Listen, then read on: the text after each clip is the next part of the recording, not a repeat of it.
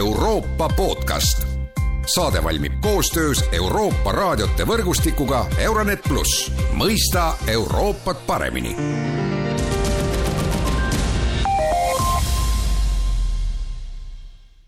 tere päevast ja tere kuulama Euroopa podcasti. Ukraina sõda on üles ajanud toiduhinnad. maailmas on palju riike, mis sõltuvad Ukraina viljast ja muudest põllumajandustoodetest. Mis saab toiduga varustamisest Eestis ja mujal maailmas, sellest on tänasesse Euroopa podcasti tulnud kõnelema maaeluminister Urmas Kruuse, tere päevast! tere päevast! mina olen Erkki Pavlovski ja no alustame sellest, et äh, sõjalises plaanis on ju juhtunud niimoodi, et äh, Venemaa blokaad tegelikult ju takistab ukrainlastel vilja eksportida ja ja maailmas on pilt selles mõttes nukker, et Ukraina viljast äh, sõltuvad väga palju Aafrika ja Lähis-Ida riigid ja, ja Urmas Kruuse, et kuidas teie seda olukorda näete, et, et kuidas see, kuidas see asi laheneda, et laheneb, ma ei mõtle siin nüüd sõjalist äh, lahendust, vaid seda, et kas äh, neid Lähis-Ida Aafrika riike saab kuidagi muud moodi aidata, et nad ei oleks ainult Ukraina viljast sõltuvad? Tegelikult küll, et see Vene äh, agressioon ja eskalatsioon Ukrainas on äh, muutnud väga palju, ta muutis kogu kaubandust ja, ja eriti muutis ta tegelikult toidukaubandust ja põllumajandust. Kuigi ma võib-olla natukene sekundeeriks teile vastupidi, et ilmselt sõja lõpp või Ukraina võit võiks tegelikult just anda rohkem lahendusi, kui me võib-olla e eeloleval hetkel võib-olla tunnetame. sellepärast, et äh, ei ole ju mingit, meile mingit üllatust, et et Venemaa oskab kasutada erinevaid relvi ja üks relv on äh, toit. ja see võimekus on tal olemas ja, ja kui me vaatame äh, mitte Ukrainat eraldi, vaid Ukrainat ja Venemaad koos, siis me pea, tegelikult saame aru seda, et kui ühelt poolt äh, Äh, Venemaa üritab äh, noh, eesti keeles öelduna jõhkralt varastada seda või siis hävitada või, või panna seda kinni, siis temal kui ühel viljaeksportijal tegelikult äh, sellest peaks kasu tõusma ja kasu tõusma just selles valguses, kus füüsiliselt võib tekkida toidupuudus ehk viljapuudus. ja, ja mis see sügisel, kui mõelda selle peale, et ja kõige hullemate stsenaariumite peale on ju see, kui tegelikult peaks teatud olulistes piirkondades olema ikkagi põud ja põud selline, mis selle kogu siis äh, maailmaturul kaubeldava vilja osakaalu ikkagi väikseks viib, sellepärast et riigid üldjuhul üritavad ju esmapilgul ennast ära varustada ja siis äh, eksportida, aga äh, loomulikult vili hakkab ka liikuma sinna, kus on hind ja nüüd on küsimus selles, kas sellele tuleb veel mingit spekulatsiooni juurde. ehk tegelikult see parim lahendus, mida mida üritatakse otsida ka käesoleva sõja ajal, on see, et kuidas ikkagi Ukrainast vilja välja vedada, et neid mõjusid mingilgi määral leevendada. aga kui me teame seda, et meretransport on põhimõtteliselt piiratud, siis äh, ükskõik, kui hästi me maismaal suudaksime logistikat korraldada, kaasa arvatud see,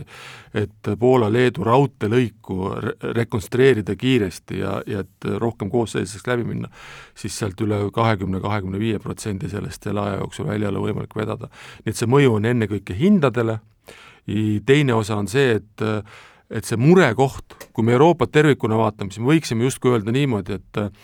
et arvestades meie elatustaset keskmiselt, siis me ilmselt selles osas nälga ei jää ja me oleme võimelised ikkagi need kogused kätte saama. aga äh, nii, nagu te ise ütlesite, mis puudutab Põhja-Aafrikat või Lähis-Idat, kus teatud hinnatase on olnud just äh, soodne Ukraina eksport nendesse riikidesse ja selle osakaal on olnud suur, siis nendel võib tegelikult tekkida probleeme küll no siit loogiline küsimus edasi, et kui te rääkisite Venemaast ja, ja seda, et Venemaa kasutab seda Ukraina röövimist ära nii-öelda enda vilja eksportimiseks, siis noh, loomulikult ju tekib see küsimus, et kas need Lähis-Ida Aafrika riigid tahavad siis Vene vilja ja kuidas siis seda piirata, sest me räägime sanktsioonidest Venemaa vastu ja seda, et Vene kaupu mitte osta ja Venemaaga äri teha, aga siis ilmselt siis Venemaa kasutab seda ära siis nii-öelda kolmandas maailmas. jah, praegu, kui me vaatame ühelt poolt Euroopa konteksti ja, ja mitte ainult Euroopa konteksti, et kui üritatakse vabaneda siis äh, Vene gaasist ja, ja äh, naftast, siis kindlasti äh, võib oodata ka äh, sellist survet. aga kui me mõtleme puhtalt hästi inimlikult, et räägime, sul on kõrval nälg ja see, siis need ei pruugi nii hästi tööle tulla, sõltumata sellest, et tahe võib-olla neid sanktsioone kehtestada on. ja, ja, ja siin on hästi oluline see, et mida mulle, mida ma ka Euroopa Nõukogus põllumajandusministri kohtumisel ütlesin, et et me ei tohiks Euroopa sees kindlasti tekitada protektsionismi, et me hakkame enda varusid tõmbama enda külje alla. ja sellel põhjusel, et kui me võtame Euroopa te-, sellist põhimõtet ja edu, siis ähm, mõnes mõttes sarnane natukene Covid vaktsiinide tellimusega, et, et kui me ühel hetkel läksime solidaarseks, panime justkui nagu jõuõlad kokku, siis oli meil võimalik paremini ka läbi rääkida, sama peaks olema see, aga ma saan aru, ja, ja, ja mõistan ka seda, et meil on ka vastutus teatud mõttes teiste piirkondade ees, sest me teame seda, mida võib näljahäda tegelikult tekitada, noh et kuni ma ei tea, oranži või ma ei tea, mingi revolutsioonini no selles... immigratsioon tuleb ja, esimese asjana meelde ju. et see tegelikult tähendabki seda, et inimesed hakkavad liikuma, kui nad hakkavad nälga jääma, nii et et see on nagu väga hübriidne teema ja ja seda aus vastus on see, et ega ei osata seda praegu ette ennustada, seda sada protsenti, ja see, et hind üles läheb, sellega on enamus eksporte nõus, et keegi, keegi ei vaidle sellele vastu. Ja mis on nagu äh, põllumajanduses on nagu oluline, et see ei ole päris niimoodi, et noh, et et kui mul täna siit stepslist voolu ei tule, et siis ma panen generaatori tööle, võtan järgmisest või asendan selle kohe. Toidukaup, ütleme, põllumajanduses äh, tähendab ka see seda, et et kindlasti on võimalik teatud äh, sisendeid asendada ja ka praegu Euroopa riigid laiendavad teatud pindasid, mida nad võib-olla varem ei olnud teinud, näiteks päevalil, et me teame, Rumeenia, kes seal vist on suutnud nagu laiendada, aga see ei ole nagu ühe aasta teema, et see võtab ikkagi nagu mitu hooaega aega no siin ongi see küsimus, et kuidas see siis puudutab Euroopa Liidu ühist põllumajanduspoliitikat, noh me teame seda, et Euroopa Liit on nagu põllumajanduses ju olnud väga protektsionistlik ja ja, ja hoidnud oma piire kinni ja, ja noh, sellest on ju räägitud ka, et noh, et äh, eriti just äh, nõrgemate riikide eksportijad võiksid saada parema pääsu Euroopa Liidu turule ja nii edasi ja nii edasi, kas nüüd on näha, et äh, kuidagi see põllumajanduspoliitika muutub, et, et see, et kaubad liiguvad võib-olla lihtsamini? See on hea küsimus. Ja, ja, ja üks teema ka sellel viimasel sellenädalasel nõukogul oli see, et et, et me ei tekitaks kaupadele täiendavat piirangut, kuigi üldiselt tollide mõttes võiks öelda niimoodi, et noh, et kohati me ei ole nii protektsionistlikud kui Ameerika Ühendriigid ja kogu need kaubandusläbirääkimised, kus põllumajanduse osa on hästi oluline ja, ja Euroopa põllumehed jälgivad väga tähelepanelikult, et kuidas need läbirääkimised lähevad, et nad ei ole praegu väga mugavalt läinud, ütleme ka põllumajandust vaate mõttes, siis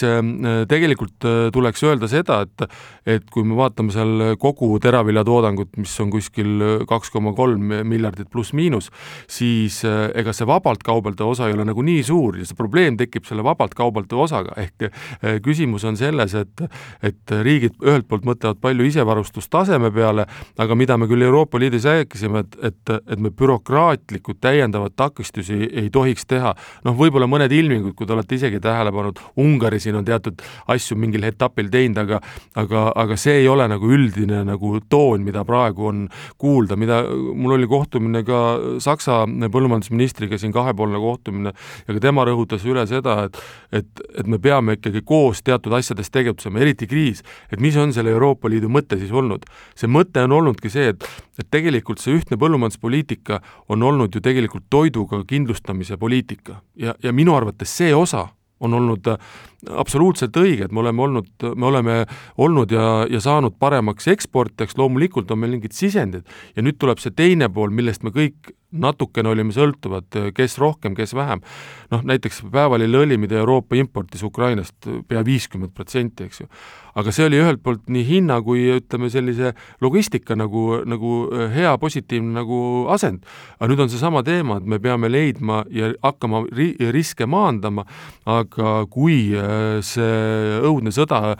lõpeb ja majandus saab hakkama normaalselt toimida, siis loomulikult äh, kindlasti Ukrainal, kellel on väga oluline oluline äh, toiduainete või õigemini põllumajandussaaduse eksport ja tal on ikkagi SKT-st ikkagi päris korralik osa ja kaasa arvatud hõivatus ja, ja väike põllumajandus ka, ehk mis puudutab sellist perekondlikku hakkamasaamist, et seal on väga suured sotsiaalsed tagajärjed ka. no tundub nii ja parandage mind, aga, aga tundub nii, et äh, see Euroopa Liidu põllumajanduspoliitika praegu on osutunud õigeks, sest selle põllumajanduspoliitika noh, üks nii-öelda sellise aluspõhimõtteid oli see, et elu maal ei sureks välja, tuleb toetada põllumehi. Ja, ja, ja just nagu te ütlesite, et Euroopa Liit oleks nagu põllumajanduses nagu isemajandav ja ja see on osutunud õigeks, eks ole, ja teisest küljest nagu noh, me näeme, et kuskilt pidi oleks vaja nagu seda, et põllumajandustooted liiguksid vabamalt, et oleks võib-olla seda nii-öelda seda turuvabadust rohkem, et vist tuleks leida tasakaal.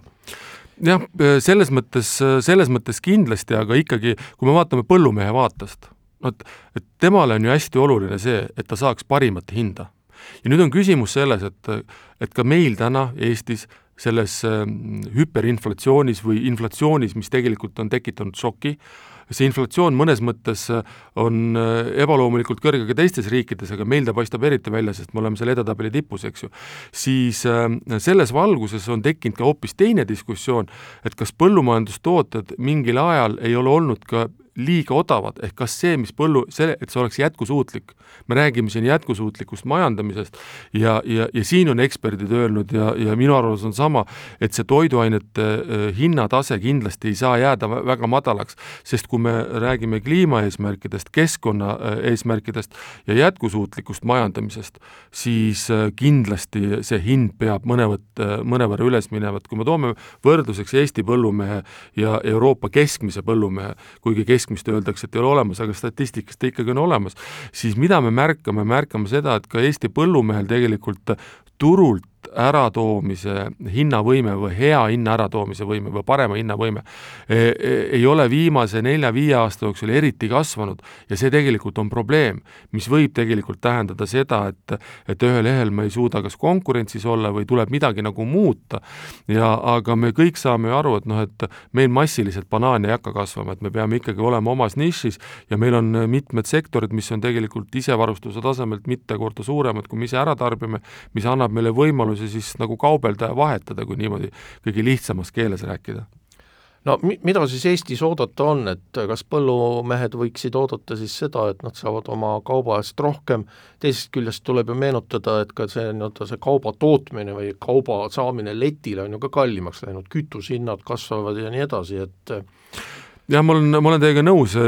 kindel on see, et, et paljud Euroopad või enamus Euroopa riike vaatas ka nõndanimetatud kriisipaketi poole. Ja me teame seda, et et kui see kahekümne neljanda veebruari hommik oli, siis kõik nõukogud on käinud ka arutelud iga kord, kui me kokku saame, on, on turuolukorrast ja, ja esimene kord kohe oli ka kriisipaketi arutelu, see tähendab seda, et Euroopa Liit siis jagas laiali liikmesriikidele umbes viissada miljonit, millest kolmsada viiskümmend oli kriisireserv, osad vahendid leiti siis teistest fondidest nagu juurde. ja, ja Eesti kasutab seda võimalust ja paneb siin kakssada protsenti sellele lubatule juurde, aga täiendab veel ka oma siseriiklike vahendite kaudu. ehk see mõte on olnud selles, et leevendada sellel nagu šoki ajal siis äh,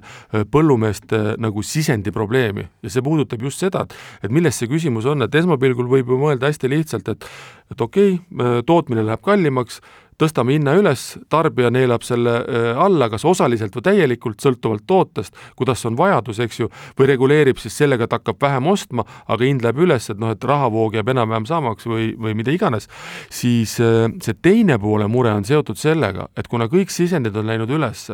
siis äh, rahavoogude juhtimine põllumajandusettevõttele, sõltuvalt tema struktuurist, tema võimekusest, on muutunud ebastabiilsemaks ja keerulisemaks, see puudutab kaasa arvatud see, kui suuri varusid ma sisenditeks teen. meil on samamoodi Eestis, kui me sõidame mööda Eestit ringi äh, su, äh, suhtleme põllumeestega, ettevõtjatega, siis nad ütlevad seda, osadel on harjumus see, et nad on kogu aeg varunud endale teatud sisendit äh, pool kuni üks aasta. osade puhul on see, nad ütlevad, aa, mul olid kahenädalased lepingud et mille jaoks mul rohkem vaja on. ehk see oli ju see üldine printsiip logistikas, ärme soetame suuri varusid, logistika toimib, helistan, saan kätte. praegu need asjad on muutunud ja tõepoolest need ettevõtted, kellel oli rahavõimalusi kasutada ja oli võimalik rohkem ka lepingutega kinni panna, äh, siis sisendeid, siis nemad on kindlasti mõnes mõttes turvalisemas seisus sügisel selgub see, mis seisus me oleme ka väetiste muude sisenditega sõna otseses mõttes ja, ja kas see mõjutab meie võimalikku külvipinda või ei mõjuta meie külvipinda. Kuidas teil see tunne on, noh, minu suguvõsas näiteks mõeldakse küll järjest rohkem sellele, et tuleks hakata taas tegelema selle väikepõllundusega, et panna oma kartul maha ja nii edasi, sest see, ütleme, mis oli vahepeal, et noh, et milleks jamada selle kartuli võtmise ja, ja, ja, ja, ja panekuga, mahapanekuga, et kõike saab ju poest, aga praegu vist inimesed tunnevad, et tuleb järjest rohkem nagu oma varusid tekitada. jah, teil on õigus, üks selline mõjutegur on kindlasti see, mis ümberringi toimub. mina näen siin ka võib-olla teist sotsiaalset poolt ja kui ma siin vaatasin